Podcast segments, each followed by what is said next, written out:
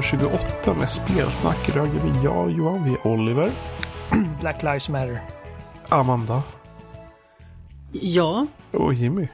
Hallå? Aha. Ja, syrsor. Ja. glömde bort hur man skulle fortsätta. Nu, nu fick du oss att tänka, Oliver. Jag bara, jag bara ville få ut det. Det är därför vi kommer tappa lyssnare nu. Ja, men... På grund av att vi är om- så eh, stumma eller på grund av att du sa någonting överhuvudtaget? Eh, för, nej, för att eh, folk vill inte ha sina spelpoddar politiska. Men om vi tappar de lyssnarna så är jag helt okej med det. Fast mänskliga rätter, rättigheter något som är politiskt då? Ja, jo men det är ju det. Man säger typ att alltså, vi kanske ska sluta skjuta ihjäl, eh, skjuta ihjäl våra svarta människor i våra västerländska samhällen. Och alla bara "Öh, jävla kommunister, stick hem. Ja.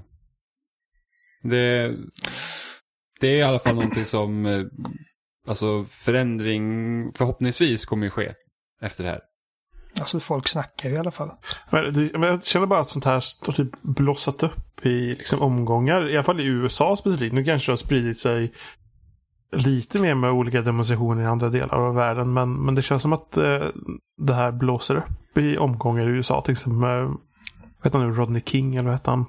Eh, Ma- Martin Luther King. nej.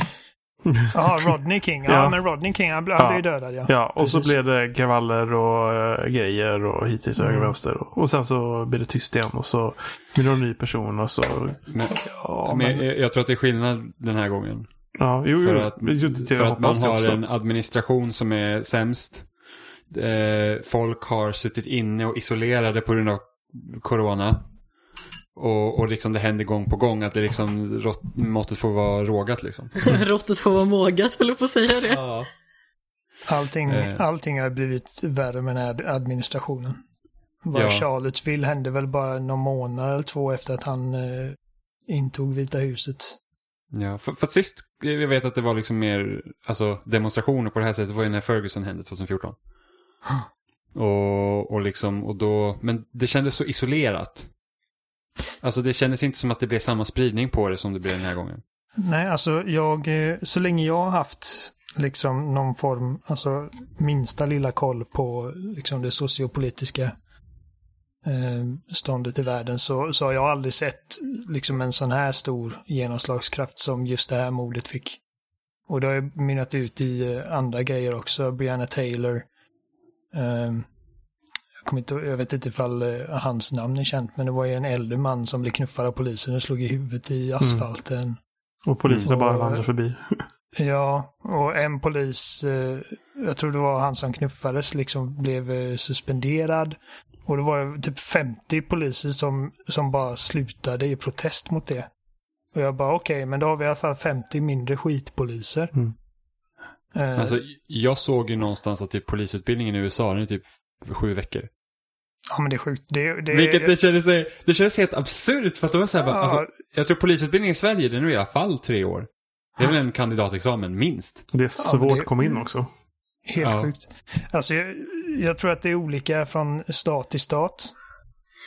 Ehm, För att liksom, staterna har ju sina egna regler och liksom det, det är lagligt att knulla en get i vissa stater och andra inte och det är typ så jävla knasigt. Ehm, men, eh, men sju veckor är alldeles för lite. Jag tror att just polisyrket också drar till sig en viss typ av farlig personlighet. Alltså någon som gillar liksom att kunna bära vapen och Men jag läste också att det är många- makt.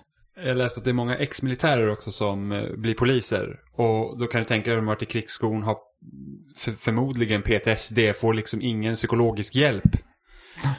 Så är det liksom, Att 40 procent Ja. av poliser i USA har erkänt till att slå sina fruar. ja. Hur många är det Vad som heter inte har det? erkänt? Jag skulle bara flika in där, för jag har för mig, visst var det Johan som sa innan att eh, det är svårt att komma in på den svenska polisutbildningen. Och jag kan ju liksom, vad ska man säga? Jag, jag, jag kan eh, ställa mig bakom att det är så. För att eh, jag har haft en klient som eh, var väldigt vältränad och han blev väldigt mycket mer vältränad när han körde med mig och blev väldigt stark och sådär. Mm. Men de har inte bara fystester utan de har även psykologiska tester som ska mm. göra för att komma in. Och eh, han hade liksom svårt med alltså att få de båda olika testerna att klaffa. Så det är sånt som också ska klaffa. Jag menar, mm. har man liksom en eh, lite sämre dag bara kanske.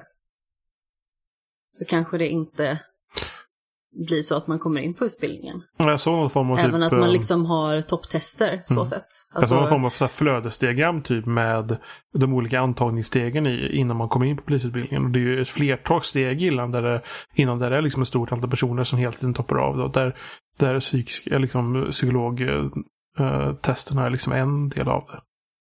Ja, det är ju väldigt viktigt att veta vad det är för typ av personer som har olika typer av yrken. Alltså bara liksom att kunna göra en personlighetsanalys är ju superviktigt tycker jag. Mm. Ja men alltså det, det, var ett argument jag hörde från eh, en kompis till mig. Han sa att eh, det är farligt att eh, liksom bli polishatare för det finns så många fler farliga människor på gatan. Och jag bara, men alltså ska man inte hålla poliser till en högre standard än din gemen, liksom, genomsnittliga gangster? Bara för att det finns liksom farliga psykopater där ute, liksom, betyder det att eh, det är okej okay för polisen är det? För att de är ju liksom i en maktposition. Ifall, ifall de bestämmer sig för att liksom göra ditt liv till ett helvete så, så finns det inte så mycket man kan göra. Liksom, man kan ju man kan inte ens försvara sig utan att det blir liksom assault and officer. Nej, men speciellt om de då upprätthåller liksom, de är ju lagen om man säger så. De ska upprätthålla ja. lag. Och bryter en polis mot lagen, hur får du lagen att sätta dit lagen? Om man säger så. Precis. Det är det som blir så himla problematiskt. Och jag, har, jag har också sett fall liksom där poliser eh, säger sig vara inom lagens ramar men egentligen inte är det. Och då har det liksom varit folk då som råkar vara eh, liksom helt pålästa om vad de har för rättigheter och bara, men nej, men alltså ta, ta, fram en lagbok och visa mig vart det står att du ska kunna kräva detta av mig. Och det har de inte kunnat då, så de har fått låta dem gå. Men ifall det hade varit jag, som är väldigt... så jag bara... Åh gud, jag är i trubbel liksom och väldigt eh, godtycklig och kanske lite naiv under så här eh, auktoritet. Jag hade ju lagt mig liksom hur lätt som helst. Eh, så att, eh, fy fan vilket jävla skit. Alltså det är... Just det här med poliskåren i, eh, i, särskilt i USA, men alltså i alla delar av världen givetvis. Jag tycker att det är någonting man måste ta tag i liksom från liksom ta tag i roten och bara dra ut helt och hållet. Bara ja, nolltolerans på all form av rasism. Alltså liksom i, i, i omklädningsrummet ifall det är någon som skojar liksom rasistiskt, ut med honom. Liksom. Men, och, och, det är ju det att det är inte bara ett, alltså det är inte bara problem inom polisen, det här är ju liksom genomgående i samhället. Eh, och vilket gör också det här med att hela den här Black Lives Matter-rörelsen, liksom, den är ju liksom mot det systematiska förtrycket. Vilket mm. då den här motrörelsen då, All Lives Matters, liksom inte förstår. Eh, Nej, vilket jävla båg. Det här med, för eftersom det inte handlar om att, alltså det är inte som att då svarta människor bara nej, vi är bättre än alla andra så att nu ska vi hållas till en högre standard. Det handlar om att alla ska hållas till samma standard oavsett vilken färg du har på din hud. Ja. Eh, alltså, jag har både läst universitet, liksom gått igenom olika former av liksom postkolonial teori och liksom vi läser mycket om rasism och sånt för liksom det ingår i svenska universitetsutbildningen att man ska liksom gå igenom den typen av liksom teoribildning eh, och sådana saker. Samma sak med feministisk teori och sånt. Eh, och där man liksom får se hur saker och ting alltså verkligen fungerar. Det är ju ganska mycket en ögonöppnare för det är så mycket man inte tänker på. Eh, och det här med att liksom att, att, att för alla har ju alla människor har fördomar. Det är bara så. Eh, och det ja. är någonting som man liksom måste försöka nysta upp och ta upp till ytan och sen bearbeta personligen också, givetvis. Eh, men det här med att Liksom att, ja, är du en... För, för det har vi i Sverige också. Liksom, jag vet att jag i grundskolan fick lära mig att när vi pratade på samhällskunskapen om eh, så här, ja men råkar du ut för brott, ja men då är det troligen en invandrare som är brottslingen. Mm. Och liksom, då kan jag bara tänka mig, tänk om man då har invandrarbakgrund och bor Eh, liksom går då i svensk skola och får höra det och liksom tänka, alltså du är ju redan utpekad där. Liksom att säga att du har redan svårigheter i skolan, liksom kanske hamnat liksom i, i, i felaktiga grupper, liksom problematiska grupper. Och sen så bara, ja men om redan skolan säger att du är en brottsling. Så hur, hur bearbetar ett barn det? Då kanske man tänker, ja men vad, vad, är, vad är meningen liksom om jag redan är utpekad? Eh, så det är liksom, det är ju så genomgående hur folk tänker och det ser man ju liksom här också om man tänker att Sverigedemokraterna blir så mycket större och, och sådana saker. Att det är liksom, ja, det, det, det liksom finns människor som tycker det. För att jag såg på Facebook också häromdagen, det var, det, nu har det blivit, eftersom det har blivit jättestora demonstrationer och även i Sverige har man demonstrerat mot polisen i USA då. Eh, både, i, både i Stockholm, Göteborg och Malmö. Och och då såg jag någon, ja men det är ju bara gamla gubbar som sitter och delar grejer på Facebook nu för tiden. Eh, men då var det någon som hade delat så att, ja ah, men varför sitter vi liksom och typ bryr oss om George Floyd när Vilma Andersson blev mördad och då var det ingen som demonstrerade. Och man bara så här, det var en jättestor nyhet när det hände. Så att ett, personen har ju givetvis fel. Eh, men också att det roligaste är om man då tittar på en grej som då mordet på Vilma Andersson, då ser man ett annat systematiskt problem där och det är mäns våld mot kvinnor istället. Och jag lovar att man hade tagit upp det på den vinkeln, då hade ju den personen bara tyckt att feminister är skit. Ja, ja, men just de två blir jag lite upprörd för att man jämför också, för det går liksom inte att jämföra olika typer av brott och förövare på det sättet. Just för att alltså, det är olika typer av mord som har begåtts. Båda är lika sorgliga. Mm. Det ena behöver liksom inte utesluta det andra. Eh, men grejen är ju liksom att det är folk som sitter och jämför de här två som om det ena skulle vara viktigare än det andra. Båda är lika viktiga. Det är bara det att man hanterar det på olika sätt för att det är olika tillvägagångssätt, det är olika förövare och det är liksom olika typer av motiv bakom. Och det är lättare också för folk att liksom joina in på en demonstration som har startats än att starta någonting. Ja, uh, men, men sen inte bara det. Det här är bara en person som inte tycker om att vi pratar om rasism. Nej. Och för, förmodligen så sitter på otroligt stora fördomar om folk som inte har lika ljus hy som han själv. Men det, det där är väl det man kallar vad heter det, whataboutism. Whataboutism. Ja. Man, man, det är en sak som man inte tycker om och då tar man annan sak för att... För, för att det finns ju flera grejer fokus. som vi liksom har slutit upp bakom. Alltså till exempel mordet på Lisa Holm blir jätte, jättestort. Eh, till exempel. Eh, och, jag vet ju även då, för att jag skrev min C-uppsats, nej B-uppsats om Lisa Holm. Eh, och vi jämförde liksom hur medierna hanter, hanterar hennes liksom henne, alltså hur nyhetsrapporteringen ser ut kring mordet på henne och på en annan invandrartjej i Hökarängen till exempel. Så att vi gjorde de jämföringarna. Men där blir det också jättestort och, och liksom att man, det är så enkelt att glömma bort bara för att spy ut sin skit. Så att man liksom får ha rätt. För att man kan bara ha sina åsikter.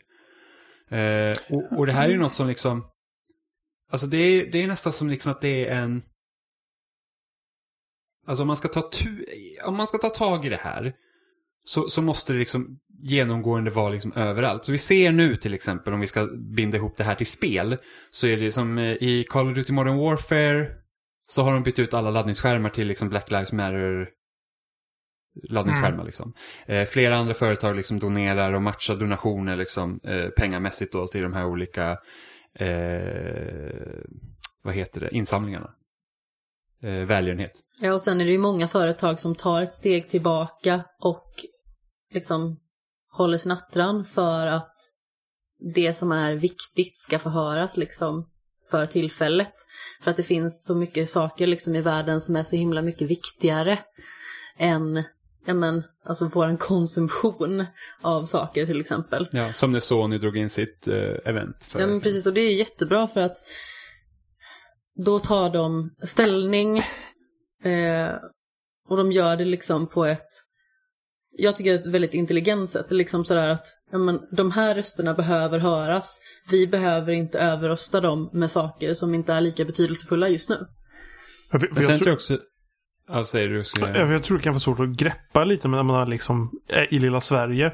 Och där när Sony ställde in sin, då var det liksom innan det var de stora demonstrationerna i Sverige också. För att jag tror inte man kan förstå riktigt hur det är i USA just nu. Liksom, för, för, för, alla liksom här, så det, man kan se liksom klipp på YouTube och på Twitter och sådana saker. Men, men det, det, är verkligen skitsvårt tror jag, att förstå hur det faktiskt är i USA. Och då liksom, så man kan tro liksom att det är på något sätt, om man är lite motståndare mot hela den här rörelsen, att det är liksom överdrivet av Sony att ställa in en sån här sak. Men, men det är verkligen inte det för att både ur deras egna perspektiv, om man tänker egoistiskt för Sony, så är det ingen idé för dem att göra det nu heller liksom. Men det är väl liksom bra på det sättet att de lämnar, lämnar utrymme för de, de mer viktiga sakerna. Ja, och sen så är det så himla lätt för människor som är i en mer privilegierad position och liksom försöka att styra och ställa vad som är viktigt. Men det är ju de vars röster behövs höras ordentligt. Alltså det är det som betyder någonting. Man måste få släppa fram det. Mm. Det är så himla viktigt i dagens samhälle. I och med att det är så himla lätt att sprida missinformation och att eh, det ena ska försöka överrösta det andra. Alltså de rösterna som behöver höras behöver få utrymme. För annars kommer de liksom drunkna i allt annat. Men sen är det också viktigt att hålla de här företagen till svars. Så att det liksom inte blir bara tomma gester för att mm. det är mm. liksom poppis just nu. Ja, och sen så mycket liksom skiter man i det. Svarta bilder Absolut. på Twitter och Instagram med någon vit ja. text på liksom. Och sen så... Ja, och sen så bara om tre månader sen så är det liksom business as usual. För att mm. det är liksom så att vad som behövs göras egentligen för att liksom man ska få bättre ordning på det här.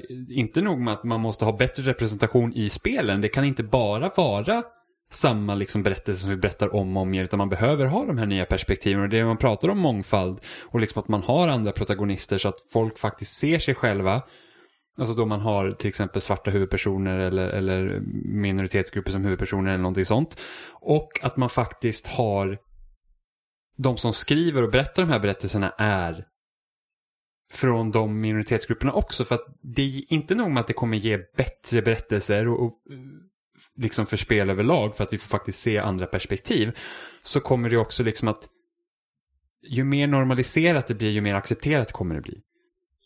Ja, och sen så blir det ju mer autentiskt också när olika typer av personer faktiskt får skriva olika typer av material. För att liksom, jag kommer ihåg när GTA San Andreas utannonserades och man hade en svart huvudperson i huvudrollen liksom. Det kändes ju jättefrämmande. Ja, det kändes fräscht. Uh, jag vet jag hade ett par kompisar i skolan som uh, bara ah, jag vill inte spela som svart. Uh, och det Alltså, det ser man ju fortfarande idag. Liksom att, liksom, jag har sett posts på om det är NeoGaf eller eh, Resetter eller vad det är. Liksom, folk som skriver att Åh, ska man spela som Ellie i Last of Us 2, då vet jag inte, men jag kan inte relatera till en tjej. Och, liksom, jag, jag, fatt, jag kommer aldrig fatta det. Att men... liksom, ungefär som att de vore en annan art. Som att okej, okay, du ska nu inta perspektivet av liksom en gräshoppa och försöka förstå dess liv. Fast ändå den grejen såhär, åh jag kan inte relatera till Ellie om hon är kvinna. Då är det så här att, men förstår du nu varför du behöver ha kvinnliga spelkaraktärer? För att du har ju, då har du ju hälften av alla människor som inte kan kanske relatera som, och spela som Joel för att det är en man. Mm. Så att det är liksom, alltså jag kan absolut köpa att man kan ha svårare att relatera till någon som kanske inte Alltså som inte är en kön då. Men då, då, se, då måste man också kunna se problematiken i att mestadels är det män som är huvudpersonerna i spel. Men det är så man också lär sig om andra människor oavsett vad de har liksom för typ av bakgrund, vad de har för kön och så vidare. Alltså, det är så man lär sig att få insikt i andra människors liv, att få andra typer av perspektiv. Man kan inte alltid bara utgå ifrån personer som är exakt likadana som en själva. För då kommer man bara liksom snurra in sig i sin egen boll. Vi behöver som... andra perspektiv.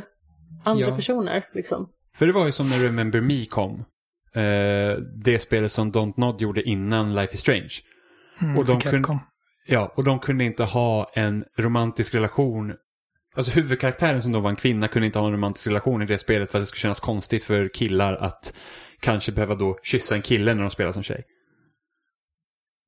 Och det är liksom bara så här, va? Fan vad larvigt. Ja, men det är jättetöntigt. Eh, Mm. och jag hoppas ju, men ap apropå ingenting, eller det här med att man också måste hålla företag eh, till svars. För det är ju att eh, Blizzard har ju också hakat på liksom tåget då. Samtidigt som de censurerar sina egna spel i Kina och tar liksom bort representation för att det inte passar den marknaden. Mm. Och det är sådana grejer som man måste också vara uppmärksam på. Att man liksom kan inte bara säga åh, good guy Blizzard och sen så liksom gör de helt tvärtom i andra marknader för att kineserna tål inte att Tracer är lesbisk till exempel. Det är inte heller okej. Liksom, man ska inte censurera på det sättet heller.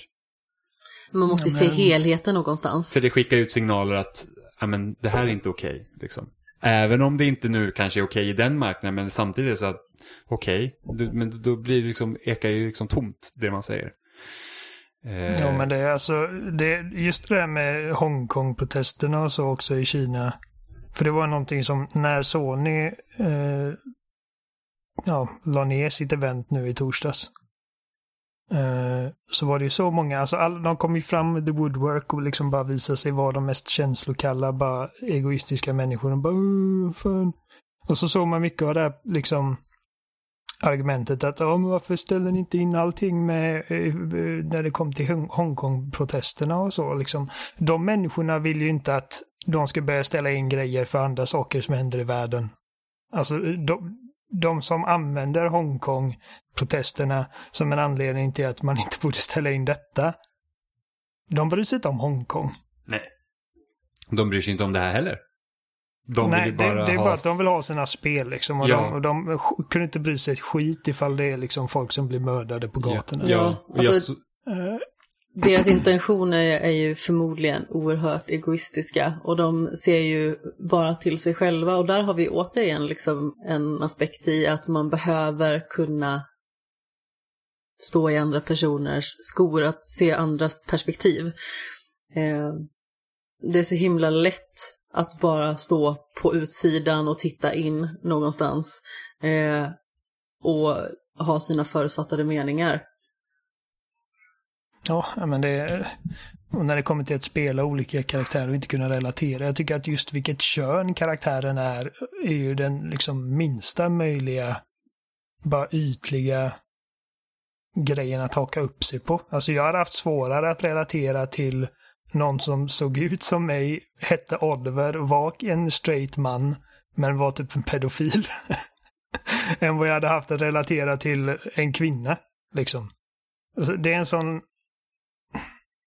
en väldigt ytlig grej. Och en, också en grej som jag, som jag aldrig kommer fatta är liksom varför man måste kunna sätta in sig själv. Alltså, huvudsaken för mig är att jag förstår karaktärerna, att jag liksom förstår motivationer, vad som driver en, eh, vem de är som person och så liksom deltar jag då i, händelseförloppet som den här personen eh, tas på.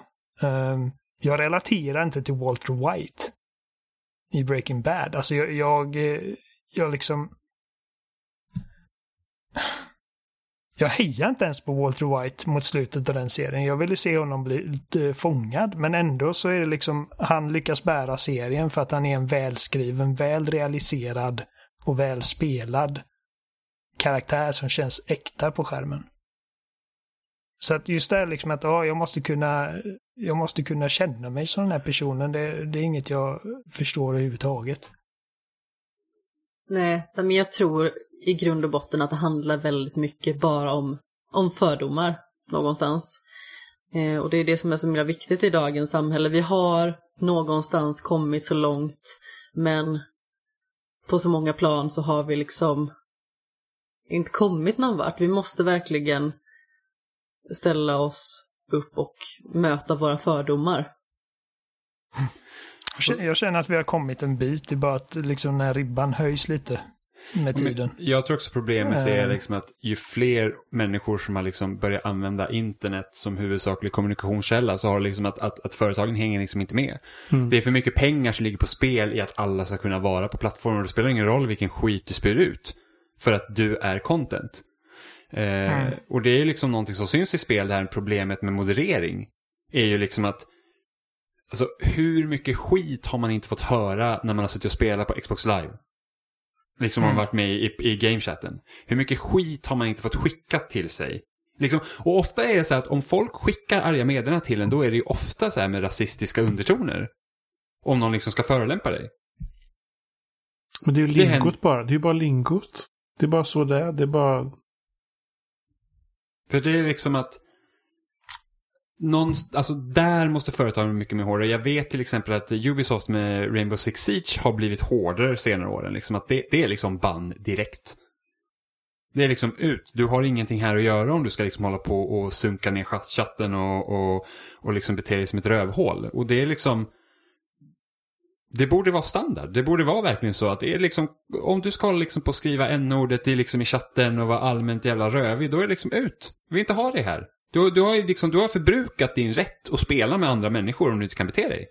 Ja, men precis. Det är väldigt viktigt att alla tar sitt ansvar i det där också och liksom står upp för andra människor och att man eh, har tydliga värderingar i sitt företag eller i eh, sin förening eller vad det nu kan vara. Eh, att man stänger av den typen av personer som eh, inte kan bete sig. Alltså jag vet bara liksom på, på jobbet, liksom jag jobbar på en gymkedja. Eh, och då är det liksom även där nolltolerans. Eh, så är det någon som upplever att de blir illa bemötta på det sättet, alltså då är det ju avstängning som gäller. Eh, så det är väldigt viktigt att alla tar sitt ansvar eh, från företaget till individen på något vis. Ja, men det är just det här med internet och allting. Alltså, för att jag har sett där folk som blir bannade. Bara, om jag har köpt det här spelet och så har ni blivit bannade från mitt eget spel. Men alltså, när ja, du går online. nej, precis. Men alltså när du går online på ett spel och liksom deltar i en aktivitet, i det här fallet då online-spel, med andra människor. Eh, då är du liksom på en form av officiell, eller så här, offentligt forum. Och det spelar ingen roll om du har köpt spelet eller inte. Alltså du, du kan gå in, du kan köpa en filmbiljett till bio.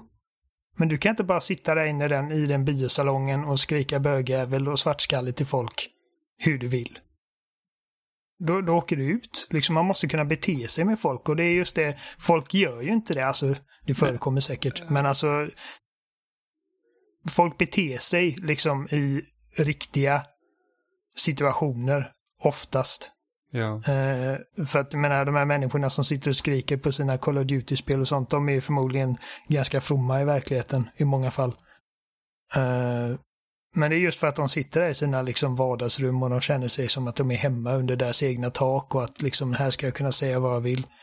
Det är, det är, det är inte det som gäller. Nej, och, det, alltså, och, det är där, dig. och det är där sådana saker gror. Det är, därför vi, det är därför vi fick sådana saker som Gamergate och det är därför vi har Trump som president. Det är liksom, det börjar mm. någonstans. Och när det blir tillåtet att, att bete sig på ett visst sätt och liksom speciellt då om man har unga människor som är mer formbara, då liksom, då är det ju enkelt liksom att, att rekrytera Kanske man ska säga, för det finns ju studier som har gjort det, alltså att unga människor, speciellt unga pojkar, liksom blir väldigt påverkade i sina online-communities och liksom dras över och liksom tycker att ja, men det liksom blir det blir kvinnohat och, och, och liksom främlingsfientlighet. För att det är de grupper de hamnar och det är det de hör. Det är det enda liksom som mantas där inne. Så det är bara att titta typ så här. Om man går in på vissa grupper på Facebook eller liksom man tittar på typ Fortune och sånt. Så det, det är liksom, de ekar ju liksom samma grejer. Och då, då, går det ju bara runt. Så att, och, och, där tycker jag ju att företagen, liksom, speciellt de som modererar sina spel, de har ett ansvar. Precis som liksom Twitter eller Facebook, liksom även om Mark Zuckerberg som är, de tänker liksom inte flagga Trumps liksom desinformation för att varför ska de göra det? Och man var alltså, nu är ju, och där är ju också problemet att man kanske har liksom stora privata företag liksom som, som bara arbetar för vinst, men då är det ju så här att Facebook är så pass stort och, och, det är så många människor som använder Facebook så att det måste ju finnas något ansvar där. Liksom, man kan inte bara ignorera. Och samma med liksom Twitter, liksom att, att, att, att, du ska inte kunna skriva liksom vad som helst. Liksom, det måste fortfarande finnas någon form av, liksom, det här är inte okej, okay, så då är du ut.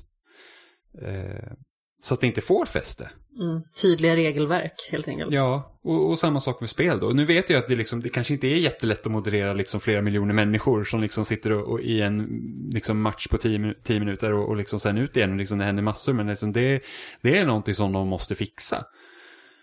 Och det liksom ska vara nolltolerans. Det får liksom inte... det är någonting som vi också har problem på loading. Jag vet att när de diskuterar moderering och liksom det är så här att någonstans måste man ju komma till en gräns att så här, det här är inte okej okay och det här är ingenting vi vill ha på vår sida. För att om man tillåter något sånt här, så hur många människor som är vettiga eliminerar man inte? Från att inte vilja ens bli del av det från början för att det liksom sprids skit.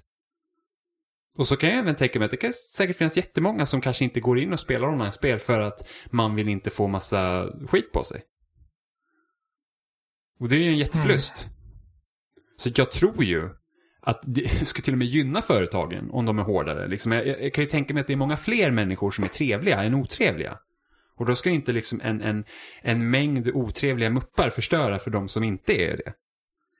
För det var ju som när EA gick ut, var det inför Battlefield 5?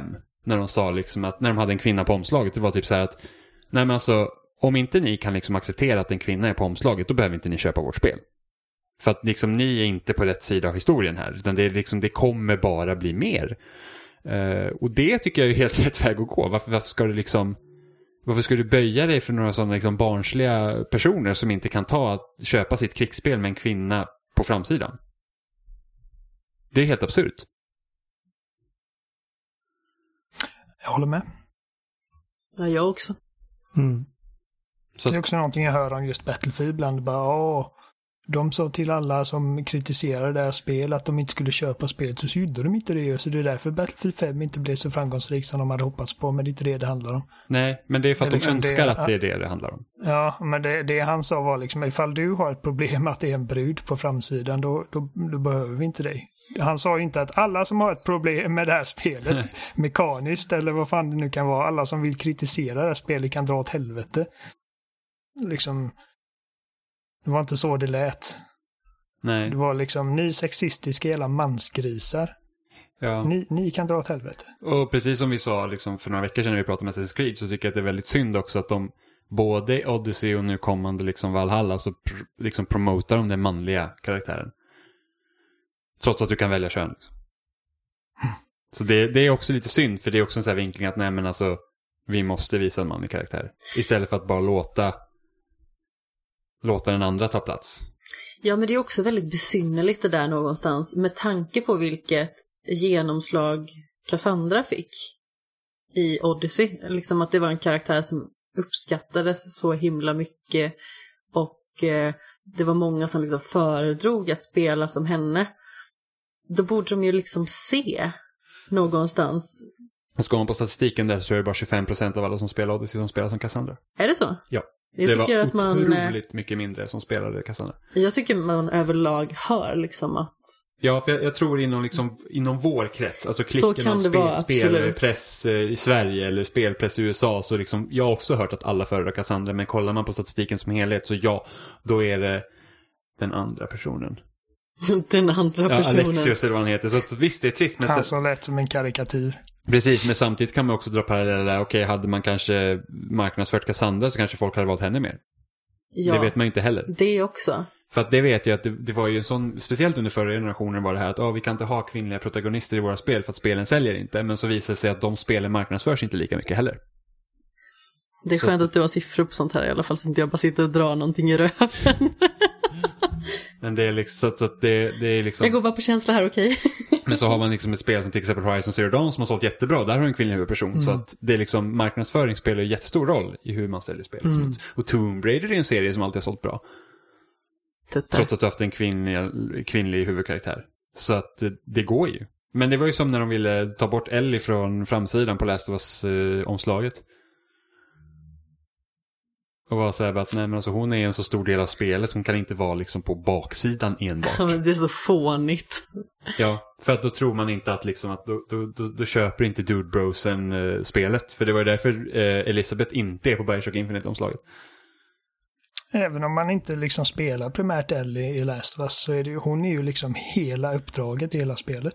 Ja, Precis. Alltså, hon, hon, är, hon är ju framtiden, målet med hela, syftet med hela sp- liksom, spelet. ja. Ja, hon är ju det Eh, viktigaste man har med sig hela tiden. Ja, Och då undrar jag liksom den här personen då som på Resetera sa att han inte kommer kunna spela Last of Us 2 för att Alltså, jag köper inte riktigt det i och för sig, men han sa det att ja, jag vet inte om jag kommer kunna spela Last of Us 2 för att man spelar som Ellie. Jag undrar då, liksom, när man faktiskt får spela som Ellie i första spelet, la han bara ner då? Han bara, nej, I can't deal with this. Han bara slängde ifrån sig kontrollen i skräck. Bara, ah!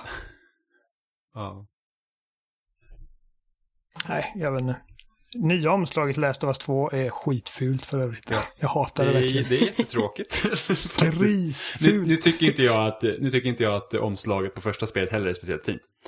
Eh, Jag tycker det är, alltså, jag menar det är inte mitt favoritomslag någonsin, men det är liksom två karaktärer. De tar inte upp alldeles för mycket plats. Man ser miljöerna lite, det är liksom lite mer färg på det. Och nu är det bara inzoomat på Ellis sura blodface och det är bara mörkt och typ blått och trist och det är bara, vad fan, det här, det här ser ut som en liksom, alltså det, detta ser ut som en placeholder. Ja. En, en sak jag inte förstår dock med första spelet, varför tog de inte de svartvita bilderna som de hade till promomaterialet som framsida på Last of Us? För de bilderna är skitsnygga. Svartvita. Ja, de svartvita bilderna på både Joe och Ellie, det finns flera olika varianter av dem. Varför var inte någon sån bild framsidan? För de var snygga. Och det sticker ut jämfört med allt annat som släpptes vid den, den tidpunkten. Jag tycker allmänhet är ganska så märkligt att ett så pass snyggt spel som The Last of Us inte har mer alternativ. Jag vet ju själv att jag har några tavlor stående på, på hyllan här hemma från The Last of Us som är så himla snygga. Men bara Eh. din specialutgåva av Last of Us har ett snyggare omslag än vad omslaget faktiskt är. Ja, Och där har du en svartvit bild på Ellie. Ja men precis. Men alltså i allmänhet tycker jag att det är många spel som har så här tråkiga ah, tillintetsägande omslag Men på något speciellt vis. den här generationen också. Det är jättemånga stora spel som har jättetråkiga omslag. Jag undrar om det är kanske att folk inte riktigt... För att ju mer vi går över till digitalt spelande så kanske man bara säger att man, man sätter inte lika... Alltså typ Spiderman-omslaget är också jättetråkigt. Jag är bara, alltså Ja. jag, jag är så trött på liksom, här är karaktären liksom bloatad på, på omslaget. Alltså jag tror att, eh, hade jag fått välja, och detta är ju givetvis bara min åsikt, men alltså jag, hade jag fått välja omslag till Last of Us 2 så hade det varit den liksom eh, konceptart-bilden om man släppte Ellie sitter med en gitarr lutad mot, en, mot ett träd i en skog. Ja, Alltså jag tror Eh, nästan... ser man typ sån här bilruckel i bakgrunden. Alltså, Eh, Be- Alltså beroende på hur, vad, vad, vad som är viktigt i Us 2, liksom vad, vad storyn och vart den nu går. Men jag kan tänka mig att hennes, alltså bara en liksom mer abstrakt bild på hennes tatuering som motiv på omslaget Ja, hade kunnat hennes vara där. stilren. det hade Liksom, också varit snyggare. Alltså den hade inte behövt hennes arm, det hade behövt motivet, kanske mot vit bakgrund eller någonting sånt. Eller Firefly-märket typ, på något sätt. Istället för att liksom sätta in massa... eh, Vad Jag förstår att det här med omslag så som, alltså det, det är säkert en mycket längre och svårare process än vad vi inser. Och det har ju liksom inte bara med att det ska vara snyggt och liksom det ska representera vad spelet handlar om och det ska också dra till sig ögat så att liksom så i marknadsföringsperspektiv. Så Ellie med en gitarr mot trädet kanske inte hade varit det mest Sen, sen Ehm. tror jag kanske att det, det omslaget kanske är för likt Days Gone-omslaget. Det är också möjligt, precis. Det är sådana såna konversationer de garanterat haft också. Ehm, men alltså någonting annat än det här, det, här, det här känns ju som sämsta möjliga. Finns en annan variant där hon sitter lutad mot, en, mot, ett, mot ett träd med machete i högsta hugg. Ehm, och liksom det är folk som närmar sig henne i bakgrunden. Det hade ju varit mer representativt antar jag för spelupplevelsen. Det är inte riktigt lika fint som hon med en gitarr, men det är ändå alltså betydligt snyggare. Ja. Men jag känner överlag liksom att typ tonen i Last of Us, det passar för liksom det lite mer minimalistiska. Så jag tycker, alltså jag Ja. tror till och med att jag hade kunnat föra att första spelet kanske hade haft så här, alltså det hade räckt med typ, jag tänker det som en bok. Så det hade haft liksom ett helt svart omslag med loggan på bara. I vitt. The Last of Us. Tycker det är lite tråkigt med bara loggor. Det enda som jag tycker gör det bra är i, princip Final Fantasy, den gamla PS1-spelen. För att de har liksom en konsekvent ton genom hela serien Mm. fram till en viss punkt. Till Final Fantasy 13 Ehm. tror jag. jag gillar bara mer, alltså jag älskar minimalistiska grejer. Jag gillar liksom omslag och även, alltså det gäller även filmposters också givetvis, som, som visar mer en känsla av, eh, av vad detta handlar om och liksom visa gärna lite miljöer. Alltså, vet, ta typ, jämför, ni kan googla upp detta, ni som lyssnar, jämför liksom boxarten för Resident Evil 4 i Europa och USA. Så på, i USA så har vi en ful jävla CG-bild på Leon. Photoshoppad in på en bakgrund där det är en massa så här typ arga Ganados. Uh, ska vi se, Resident Evil 4. Art. Ja, han står där. Så har vi liksom eh, bakgrunden med hela horden med alla arga spanjorer och så han med eh, motorsågen höjer den i högsta hugg. Det är då typ bakgrunden och så Leon med en ful jävla ljus kontur så det ser verkligen ut som att han har blivit inklistrad i paint.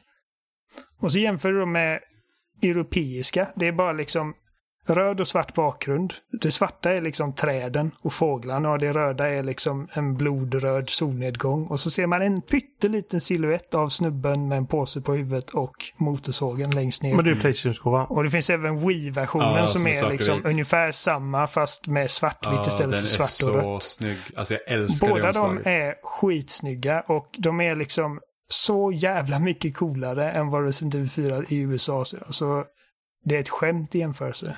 Men det är samma sak som att eh, när Kirby-spelen eh, kommer från Japan till USA så blir Kirby arg, arg istället.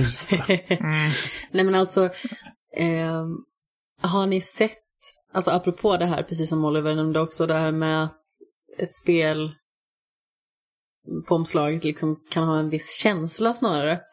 Eh, har ni sett omslaget till Lost Sphere? Det är ju liksom ett, eh, ett rollspel. Eh, Jag det fram det är så otroligt snyggt. För jag köpte det Ja, nästan enbart på grund av hur snyggt omslaget var. Eller det är ett landskap med ett litet berg och så är det två silhuetter. Det är svårt att se vad det är men det ser ut som en, en, en kvinna och en liten pojk. Och så är det typ ett grönt landskap med fåglar som flyger och så en stor, liksom typ om det är månen kanske. ja men precis. Skitsnyggt. Ja. Och det, det säger mig inte så jävla mycket. För att jag, jag har aldrig hört talas om det här spelet. Men man blir ju inspirerad någonstans. Jag köpte det till PS4 efter att ha gått och kollat på det så himla många gånger. Jag bara säger, jag har ingen aning om vad det här är, men det ser så himla fint ut på omslaget. Så jag googlade och så fick jag fram att det var ett rollspel så tänkte jag att jag måste köpa det. Det kostade typ så här 150 kronor eller någonting på GameStop eh, när jag var där senaste gången. Det var ju ett tag sedan förvisso, men då eh, kunde jag inte låta bli längre. Men det är samma sak typ Doom 2016-omslaget som har typ en så här generisk soldat på framsidan, så här centrerad och så är det gul bakgrund typ. Och så fanns det ett annat omslag som var liksom en, en ny version då av Doom 1-omslaget från 93 som var så mycket snyggare. Och man bara, varför tog ni inte det? Switch-versionen av Doom 2016 fick mycket bättre omslag. Nu har de ju bytt i alla Det- fall om man har spelen digitalt så att nu har jag det snygga Doom-omslaget. Men det var länge man fick se den där fula gubben alltså.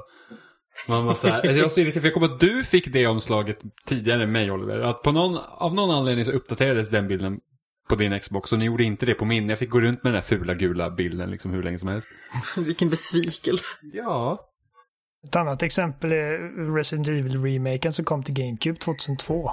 Eh, I USA så är det liksom en zombie som har grabbat tag i Jill och trycker henne ner mot, jag vet inte, eh, en diskbänk eller vad fan det är. Jag vet inte riktigt. Och så är det liksom ett fönster i bakgrunden.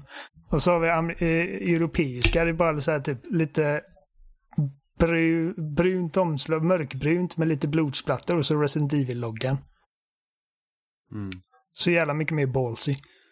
Ja, men så, ja, jag har aldrig riktigt förstått, alltså såklart, nu liksom har inte, alltså statistik och sånt har man liksom inte sett siffror på, men det här med att folk har den här liksom, ja, en generisk soldat på framsidan och sen så bara, ja men det är det som säljer. Man så här, men, men om man nu har 20 spel som har typ exakt samma tema i omslaget, vad är det som gör då att man går till det? Alltså hade jag liksom, säg att man hade sett det här, så här, ja men så här Call of Duty och alla de här spelen, så Bioshock Infinite och de fula omslagen, eh, tråkiga omslagen ska jag snarare säga. Och sen så kommer typ ett, a- liksom ett omslag som, ja men typ Resident Evil 4. Då dras ju blickarna dit direkt. För där är något annorlunda. Så att jag, jag vet liksom inte riktigt, alltså som sagt, de har ju förmodligen statistik på det, men samtidigt så att jag förstår liksom inte den. Så det är så att vi gör något annorlunda. Typ, någon som är skitbra på att liksom verkligen typ fånga fånga spelen och liksom temat kring spelet på ett unikt sätt, det är Olly Moss. Som var liksom art director för mm. uh, Firewatch. Oh, gud ja, liksom, det är så vackert. Och han gjorde de här nya omslagen för Harry Potter-böckerna. Eh, där man liksom, alla sju böcker har liksom ett, ett, eh, ett bild på slottet. Alltså Hogwarts då. Och sen så... Något som definierar något själva boken. Något som definierar boken. själva den boken. Liksom det är... Till exempel trean så är det en eh, Patronus. Ja, och liksom bilden ändras beroende på vilken bok det är. Så man liksom kan se, ja men typ så här, Flammande bägaren, då, då har man liksom lekt in det. Han, han leker väldigt mycket med perspektiv. Jag tror att han har även gjort så här posters på Star Wars, uh, den originaltrilogin. Och där man hade typ, man såg de här två solarna från Tatooine och då var det liksom C3POs ögon. Så att han leker väldigt mycket på det sättet. Uh, och där, alltså, jag tror han även gjorde uh, omslaget till Resistance 3. Med uh, med... Eh, ja, det stämmer nog. Precis, stadsbakgrunden där bakom som sen blir hjälmen på... Eh, en Chimera-silhuett. Precis, och de är ju skit, skitsnygga verkligen. Eh, jag kollar på de här Potters-omslagen nu. Jag tycker det är intressant att alla omslagen har liksom samma vinkel och samma liksom utblick över Hogwarts-slottet. Fast det är små detaljer som ändras. Men på första så ser man liksom Hagrid och Harry i förgrunden på väg mot slottet. På den andra så ser vi den flygande bilen i bakgrunden. Mm. Och sen eh, patronusen på den tredje. Och det är liksom också med fullmåne under, uh, under nattljus typ. Mm. Ah. Så det är sådana här små detaljer. Men det, ja, mm, ja han, är, han är skitduktig på att göra sådana saker. Alltså, han har så himla många fina bilder. Väldigt säregen stil. Mm. Och just det här med att man liksom försöker men det blir lite så här, du vet den här illusionen som man typ säger att, ja men ser du en fågel eller två människor som kyss på den här bilden av trädgrenar typ? Lite sånt håller han på med. Liksom att han, han, man kan se väldigt mycket olika i, i hans bilder, så det är jättebra. Men eh, vad har ni spelat i veckan? Ja, det är en väldigt snabb fråga för mig. Jag har spelat en jävla massa Modern Warfare. Och, eh, vilket, det, det senaste? Ja, det senaste. Multiplayer? Ja. Eh, War, äh, Battle Royale eller vanligt? Mest vanlig multiplayer, men jag har spelat lite Battle Royale mm. också. Jag har fortfarande inte vunnit. Alltså det, det är uh, enda Battle Royale-läget jag inte har vunnit igen som jag har spelat. Mm. Det är lite störigt faktiskt. Modern Warfare är riktigt bra. Mm. Det, det har växt för mig. Uh, för att, menar, i början så tittade jag mest på kampanjen och så spelade multiplayer lite och så gick jag vidare. Men nu har jag lagt mer tid på det. Och det, är, det, det känns riktigt bra. Eh, mer än så behöver jag inte gå in på det. Jag har också påbörjat eh, en ny runda på Red Dead Redemption 2 mot, liksom trots mitt bästa omdöme. Eh, jag lär aldrig hinna klart det innan Last fast 2 släpps, men vi får se hur det blir. Ehm, och det är fortfarande imponerande. Det är alltså, jag, jag vet att det vanligaste eh, klagomålet var att liksom, åh, allting tar så lång tid, animationerna är så utdragna, man måste liksom bokstavligen öppna alla lådor för att loota ett hus. Och det tänkte jag att det kanske blir ett problem för mig först på en andra genomspelning, men jag har inte känt av det alls. Jag, jag älskar fortfarande hur, hur liksom fysiskt det spelet känns. Att man faktiskt interagerar med världen på ett snyggt sätt. Mm. Och återigen, alltså det har vi tjatat om hur många som är gånger som helst, med hur, hur, levande och organiska och dynamiska Rockstars eh, öppna spelvärldar känns jämfört med andra. Mm. Um, liksom bara helt plötsligt kan det komma ut en snubbe ur liksom ett skogsbyn. Bara, jag blir biten av en orm.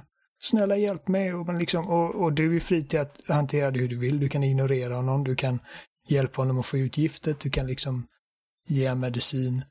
Um, folk kommer ut och försöker lura dig och liksom sno dina grejer. Och liksom det, det, det händer så mycket coola grejer i det spelet som inte har någonting med någonting att göra.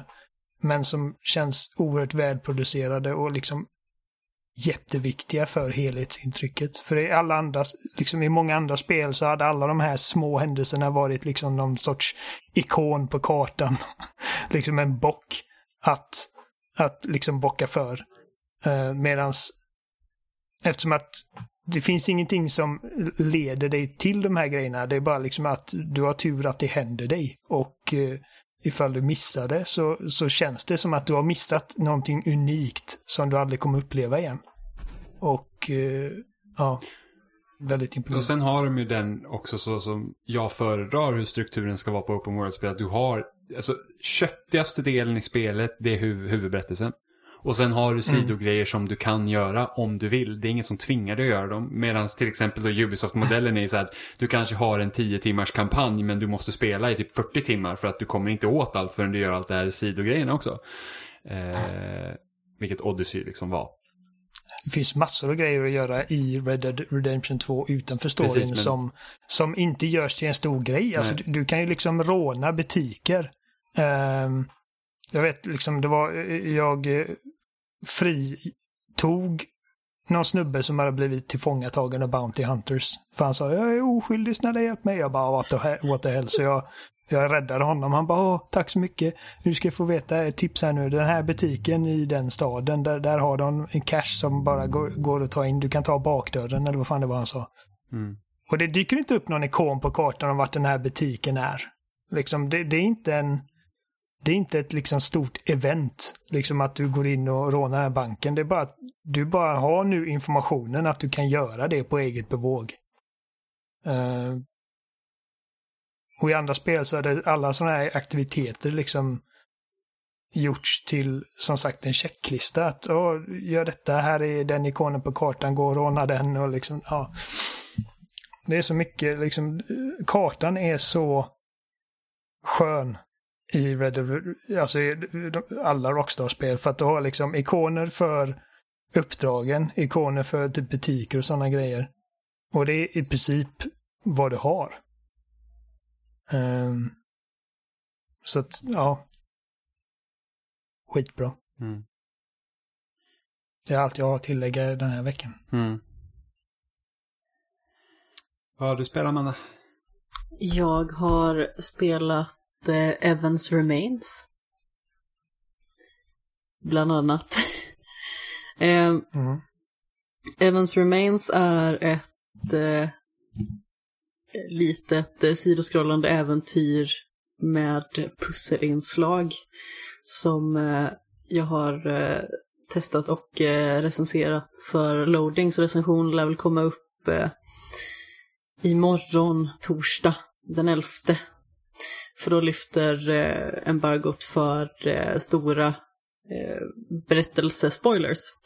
Eh, så det kändes som att det var bäst att ta det säkra före det osäkra ifall man eh, smygspoilar någonting eller någonting som eh, kan klassas som en spoiler. Sedan så är spoilers alltid väldigt subjektivt sådär oftast. Men eh, man spelar i alla fall en eh, ung kvinna vid namn Dices som eh, kommer till en ö hon får ett anrop från den här ön av eh, en, eh, vad ska man säga, en, en kille som liksom är ett utnämnt geni då, Evan. Och eh, hon ska till den här ön för att hitta honom.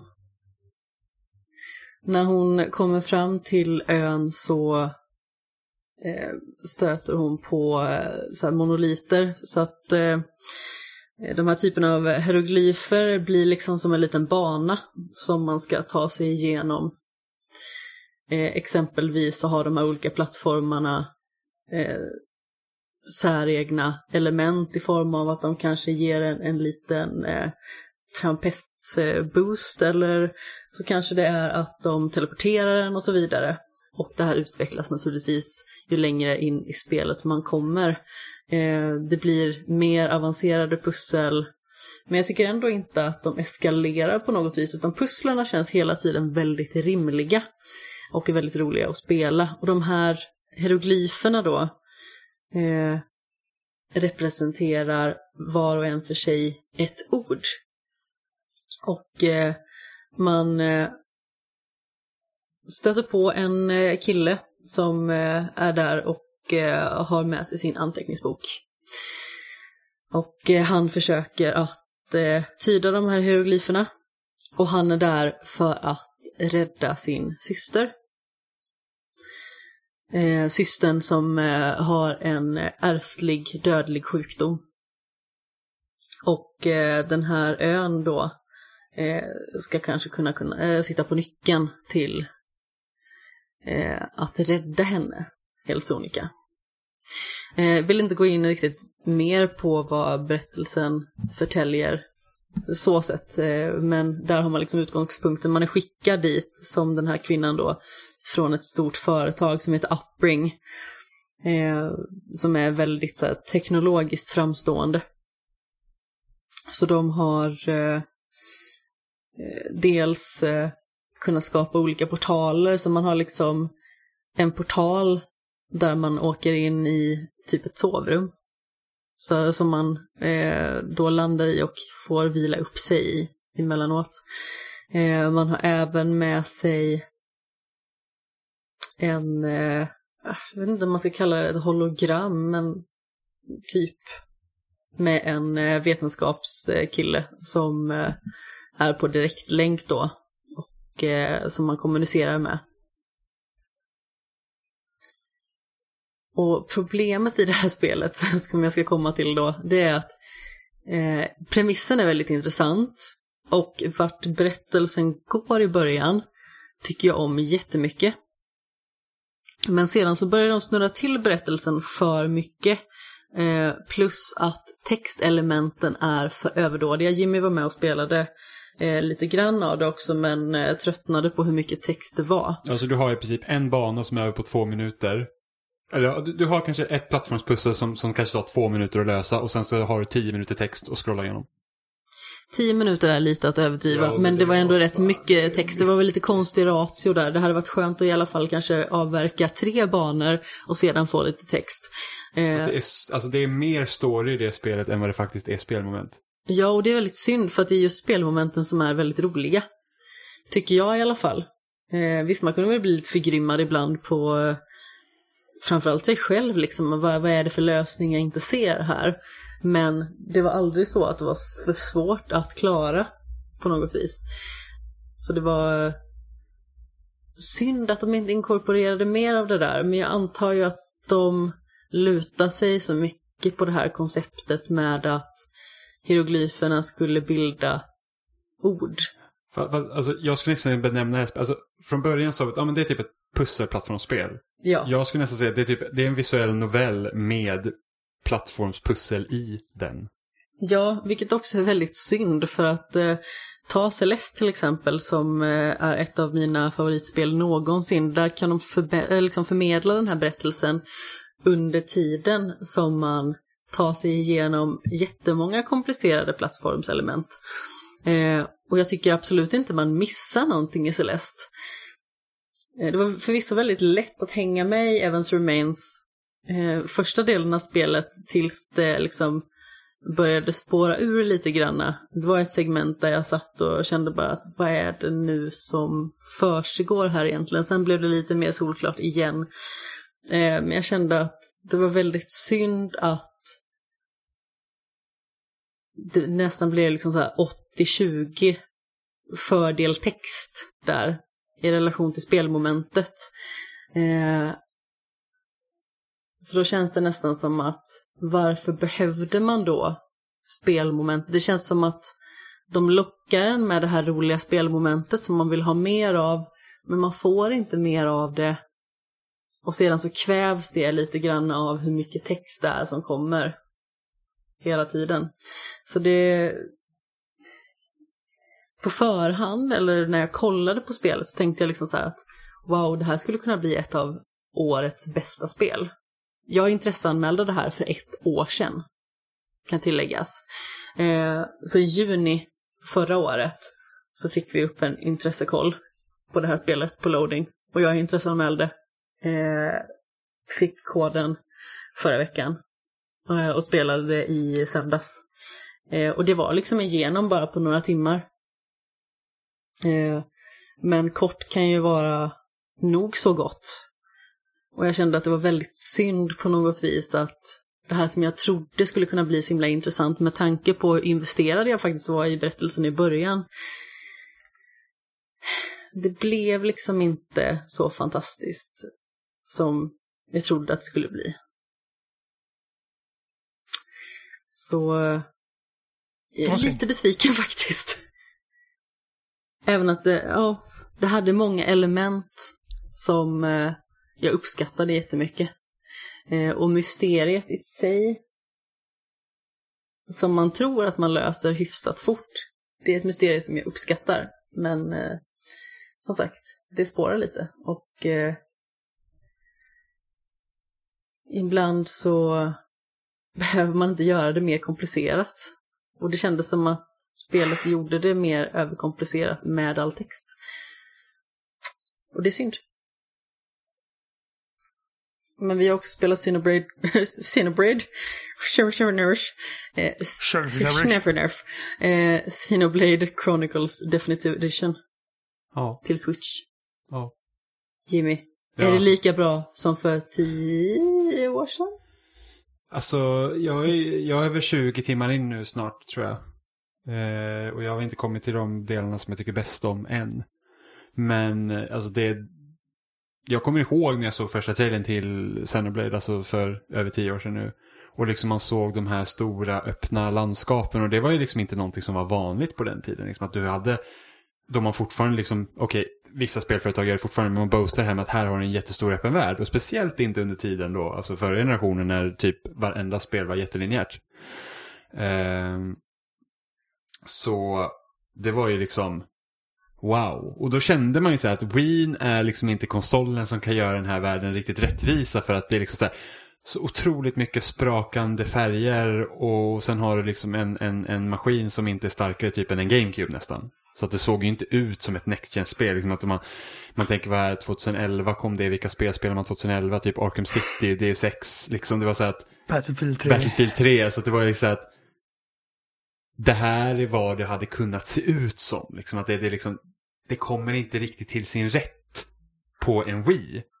Eh, och nu har de liksom uppdaterat, inte så att det liksom ser typ helt fantastiskt ut, det ser bättre ut än vad det är på Wii, obviously. Eh, men det är liksom, Jaha, och så tänker man då kan liksom ställa sig den här spelet då jämte typ Red Dead Redemption 2 och liksom andra öppna världar som vi har fått den här generationen. Så är det så här, det är någonting fortfarande så att det gör sig inte riktigt rätt på Switch rent utseendemässigt. Eh, för att liksom, det ser bättre ut, men det ser, det ser ändå ett, alltså man ser att det är ett tio år gammalt spel från början om man säger så. Det gör man, men samtidigt någonstans kan jag tycka att det är världen som man fängslas av och som är åtminstone för egen del någonting som uppskattas otroligt mycket. För jag tycker att världen känns väldigt levande för att vara ett så gammalt spel. Eh, jag har ju vissa andra problem med sådana saker som faktiskt är relativt levande. Exempelvis så har vi eh, karaktärerna som eh, eh, nu har inte jag spelat på japanska och jag funderar faktiskt på att testa det. För jag tror att röstskådespeleriet kommer passa in mycket bättre där. Jag uppskattar jättemycket att det är brittisk accent egentligen. För jag tycker att brittisk accent eh, fungerar bättre med mig än amerikansk accent. För jag tycker det kan bli lite väl bräkigt i många fall. Men det känns som att den här brittiska accenten inte passar karaktärerna.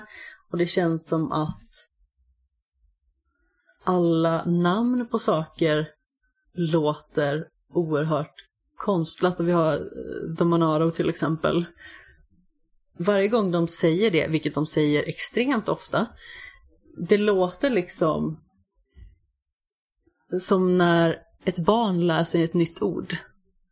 Det, det låter liksom fel. Bajskorv. Kanske inte just bajskorv, men eh, om, om vi tar liksom en, en person eller eh, kanske en yngre person som lär sig ett nytt ord som är lite mer avancerat. Det låter liksom som att det inte ligger riktigt rätt i mun på något vis. Eh, och så kan jag uppleva att det lite grann är i det här spelet, tyvärr. Eh, med det sagt så tycker jag ju liksom om karaktärerna för det mesta ändå. Men eh, det känns som att det blir lite konstlat och jag tycker att det är lite synd för att eh, det, de har lagt en, en bra grund egentligen. Jag, jag har inga problem med rösterna. Jag det är bara en karaktärsröst jag hatar. Och det är en karaktär du inte har träffat på än. Det, Okej. det, är så här, det, i, den här, I spelet finns det små figurer som heter Noppon. Och de har världens sämsta röster och de pratar helt liksom... eh, Alltså de, de pratar liksom simpelt också. Vilket gör det bara ännu mer störigt. Eh, Men annars, jag, för jag kommer ihåg när det här spelet kom. Typ att det här, cockney-dialekt eller? Nej, alltså, du, får, du får höra sen. Det kommer vara så uppenbart vad det är för någonting när det kommer dit. Eh, men för att när det här spelet kom så det här skulle ju inte släppas i USA. Det, det släpptes ju enbart i Asien och Europa. Eh, och då lokaliserades det av Nintendo of Europe istället för Nintendo of America och därför är det brittiska röstskådespelare som faktiskt låter så mycket bättre än vad de flesta liksom, amerikanskt dubbade JRPG-erna från den här tiden liksom låter. Ja, alltså rösterna är jättebra. Jag tycker om rösterna, men jag tycker inte att de passar ihop med karaktärerna. Alltså jag, jag, har, inga, jag har inga problem med det.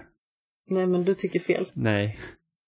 Men, men, men om man återgår till, liksom till världen, för att det är också någonting som är ganska häftigt i det här spelet, för att eh, de utspelar ju sig, alltså världen är ju uppbyggd på två stycken titaner liksom. Eh, varav den ena då som är Bionis som man börjar på och sen så finns det en annan titan som heter Mekonis som, som är den andra då. Och de här två liksom gudarna ska man säga, de, eh, de eh, liksom varit i krig med varandra. Eh, och sen så av någon anledning så, liksom, så, så har de liksom, den ena liksom har Mekonis svärd liksom sitter i Bionis och det är det som länkar ihop de här två titanerna och då har liksom växt fram civilisationer på de här. Så det är liksom istället för att det är då typ en rund planet som jorden så är det liksom två, två liksom titaner som, som liksom står grund. Så att när man rör sig på de här så är det liksom, ja ah, men det här är Bionis ben, det här är ryggraden man är på, nu är vi uppe på huvudet. Liksom så att, och sen så kan man då se den andra titanen från Bionis. Eh, så att man liksom hela tiden kan relatera till vart man är någonstans. Så bara liksom en sån grej gör ju också att spelet sticker ut och är annorlunda i sin världsuppbyggnad eftersom man faktiskt rör sig på liksom ett, ett kreatur som har levt vid något tillfälle. Eh, så, så att mycket av det som gör spelet är ju liksom dess premiss och liksom den värld man liksom sätts i. Eh, Vilken är superintressant. Ja, men eftersom det här är nu tredje gången jag har börjat spela det här spelet. Så att för, för mig, så här, början är väl, för mig lite så att ah, ja, men jag väntar tills de bra delarna liksom kommer igång igen. Men det, men det, jag, jag tycker fortfarande att det är kul, det är ett av mina favorit-JRPG, såklart. Jimmy kollar just nu på mig som att jag vill säga Jag någonting. tänkte, har du något mer att säga? För att jag liksom, jag vet inte riktigt vad... Alltså ska man spela Xenoblade Chronicles så är det här liksom den versionen man ska köpa i så fall. Givetvis. Ja, självklart. Men som sagt, jag, jag tycker om spelet, absolut. Eh, är det det bästa JRPG jag har spelat? Nej, det är det inte. Jag tycker att systemet var lite märkligt i början. Eh, men man kommer in i det också naturligtvis Alltså, och ju man typ lär ju en- sig att navigera. Ja, det är ju typ MMO-strider, är det ju. Så att du, gubben slår ju automatiskt hela tiden. Du bara väljer typ, du kan välja förmågor sen som du slår liksom igång.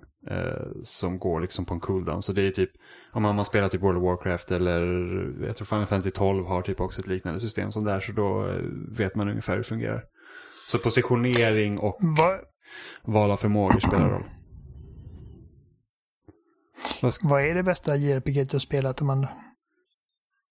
Förlåt Oliver, jag hörde inte det, hackade lite på internet. Okej. Eh, Du sa att det inte är det bästa JRPG du spelat, vilket är det? Det är lite svårt att avgöra, men eh, jag får nog säga Nino Kuni, Wrath of the White Witch. Okej. Bara nyfiken.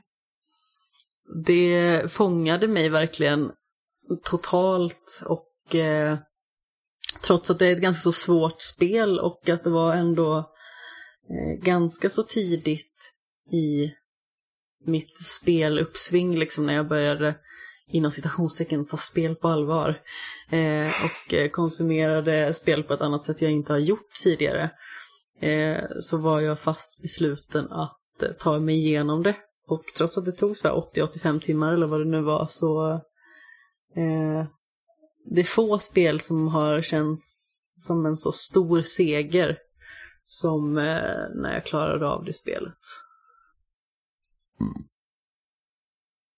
Plus att som sagt berättelsen är fantastisk, världen är fantastisk, musiken är fantastisk och så vidare. Ja, huvudrollen har ett bra namn. Det är väl okej. Tycker det låter lite töntigt faktiskt. Nej men Inokuni har en fantastisk premiss. Det faller ju på att striderna inte är jätteroliga. Nej, alltså framförallt så blir de väldigt oproportionerliga i att eh, striderna som man stöter på ute i världen, de kan väl vara lite halvsvåra och de nöter ner en ganska så mycket. Eh, men sen när man kommer till bossarna så är de extremt överdådiga och väldigt, väldigt svåra och eh, eh, jag blev verkligen tagen på sängen när jag kom till första bossen i spelet och eh, blev totalmulad. Jag blev helt paff. Jag kände bara att jag har inte haft några problem hittills och nu blir jag söndermulad direkt. Eh, så då var det liksom att man fick gå ut och försöka gå upp lite i level. Och det var faktiskt lite likadant här i eh, Xenoblade. Eh, Jimmy har nämnt det tidigare också. Ja, det, är, det är ganska brutalt svårt emellanåt. Liksom att det blir så att oj, nu, liksom, nu åker jag bara på stryk. Ja, man fick se en rejäl tankeställare. Eh, men då fick jag ju det lilla tipset att man behöver inte ta alla fiender.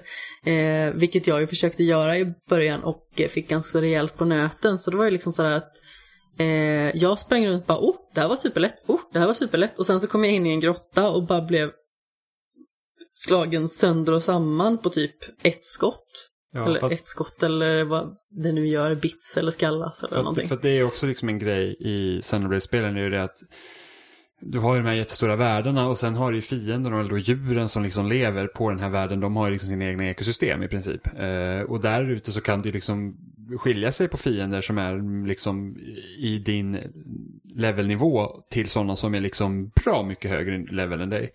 Eh, och det är ju så att ofta de här största fienderna de attackerar ju inte dig för att du är så obefintlig. Det är liksom så att men du är liksom en liten fjärt så att jag behöver liksom inte bry dig om dig. Och ibland så kan de också börja jaga dig men då kan man komma undan. Så att, att ofta så blandar de på det sättet. Det är samma sak i Xenoblade Chronicles 2 och det är samma sak i Xenoblade Chronicles X. Så att liksom, du kommer till områden där du har en ganska stor bredd på level på fienderna.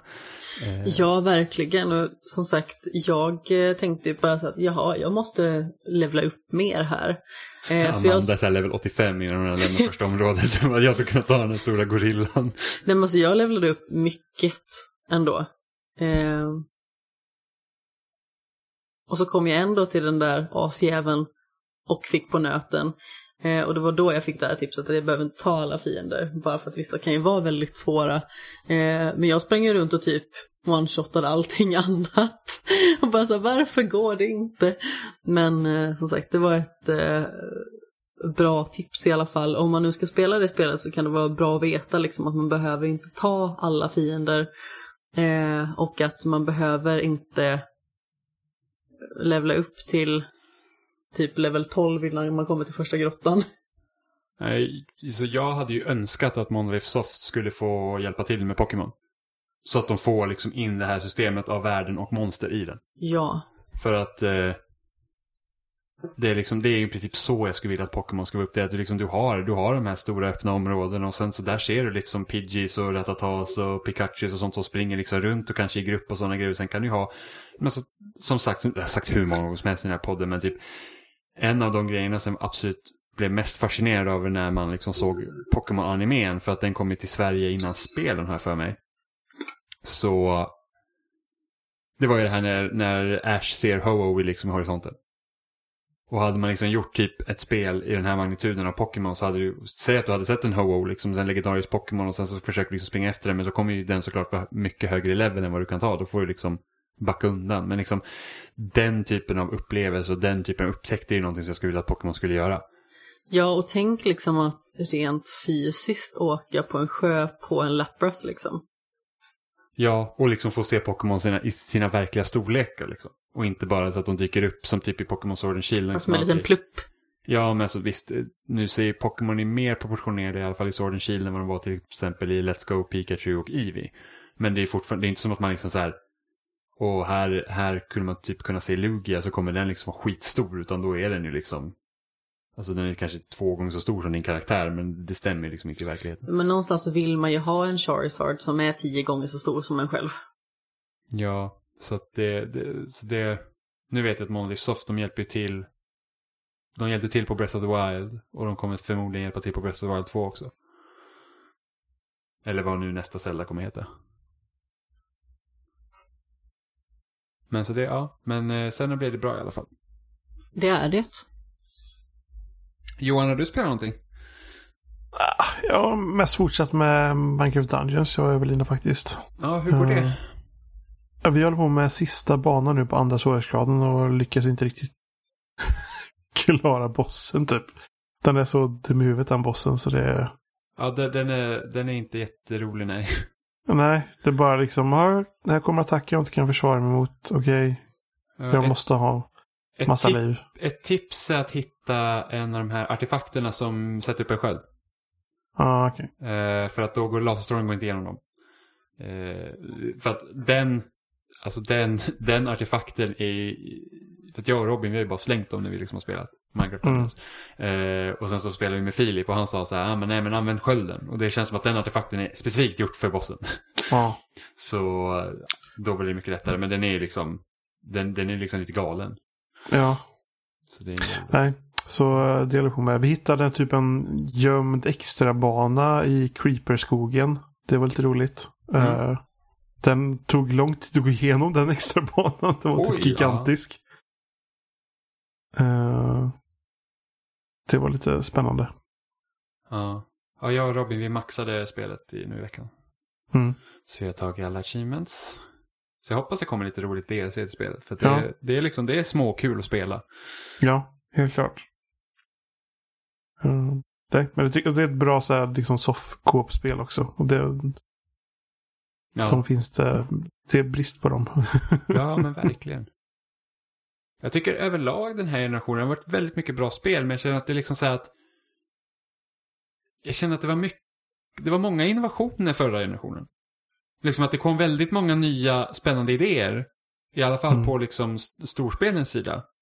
Eh, och den här generationen, det har nästan liksom bara fortsatt. Känner jag lite. Det har varit lite mer en teknikera kan man säga. Ja, men lite så här typ att, ja, men Expandera. vi, liksom, vi förfinar liksom, och nu behöver vi inte göra så himla korridorspel längre. Det är väl typ där den största skillnaden är, att man liksom vi har förflyttat oss från att spela corridor shooters till att spela liksom öppnade banor, helt enkelt. Och det känns lite märkligt att gå tillbaka till spel som är väldigt linjära. Jag kan uppskatta det. Ja, men jag kan också uppskatta det, men samtidigt man känns att så här, så här, alltså typ nu när vi spelar Last of Us till exempel. Nu är inte Last of Us helt stängt. Men det kändes ändå så att så här var typ alla spel. Och vad skönt det var. Och på sätt och vis. Men det är rätt märkligt liksom att det är... Att, liksom att... Man har vant sig vid att man ändå har fler valmöjligheter när man spelar nu för tiden. Om man typ inte spelar indiespel, men, eller de mindre spelen. Men de, de brukar liksom göra andra spännande liksom grejer som inte finns inom AAA. Men, men det här med att... Fan, jag, jag följer den här vägen. Jag kan liksom inte göra så mycket annat. Det är rätt spännande ändå. Så vilken skillnad den här generationen har gjort. Jämfört med förra. Ja, absolut. Nej, jag har inte spelat något annat i alla fall. Förutom att vi har spelat igenom The Last of Us som sagt, men vi kommer ju ta en liten eh, specialrackare som en liten upptakt inför eh, del två som ju kommer på midsommarafton. Announcement. Ja. Så det har ni sett fram emot, ni som gillar Last of Us. Mm.